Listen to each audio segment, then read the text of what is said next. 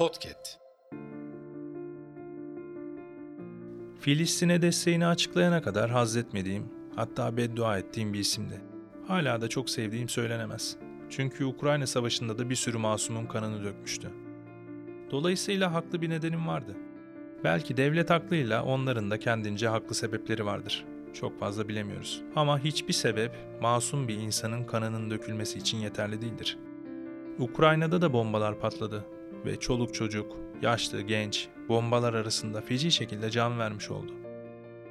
Çok üzücü durumlar yaşandı ve şu an basına yansımıyor olsa da durum çok iç açıcı olmasa gerek.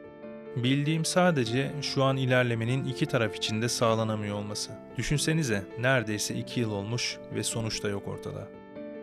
Bu olayların üzerine şimdilerde şaşırsam da insan haklarını destekleyen bir adam görüyorum.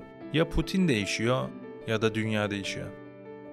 Son olarak Filistin sınırına asker yığmakla İsrail'in meşru müdafaa hakkını savunan tüm Birleşmiş Milletler'e Filistin'in de bu topraklarda bir devlet kurma hakkı meşrudur. Ben de onların yanındayım diyerek aslında meşruluğun zorbalıkla değil de hakla, hukukla temin edileceğini göstermiş olmasıyla takdire şayan bir davranış sergilemiş oldu. Kan hiç durmadı.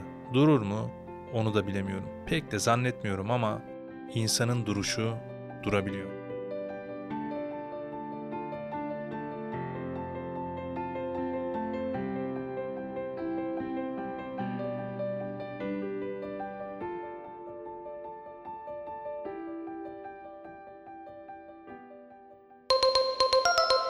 Podcast.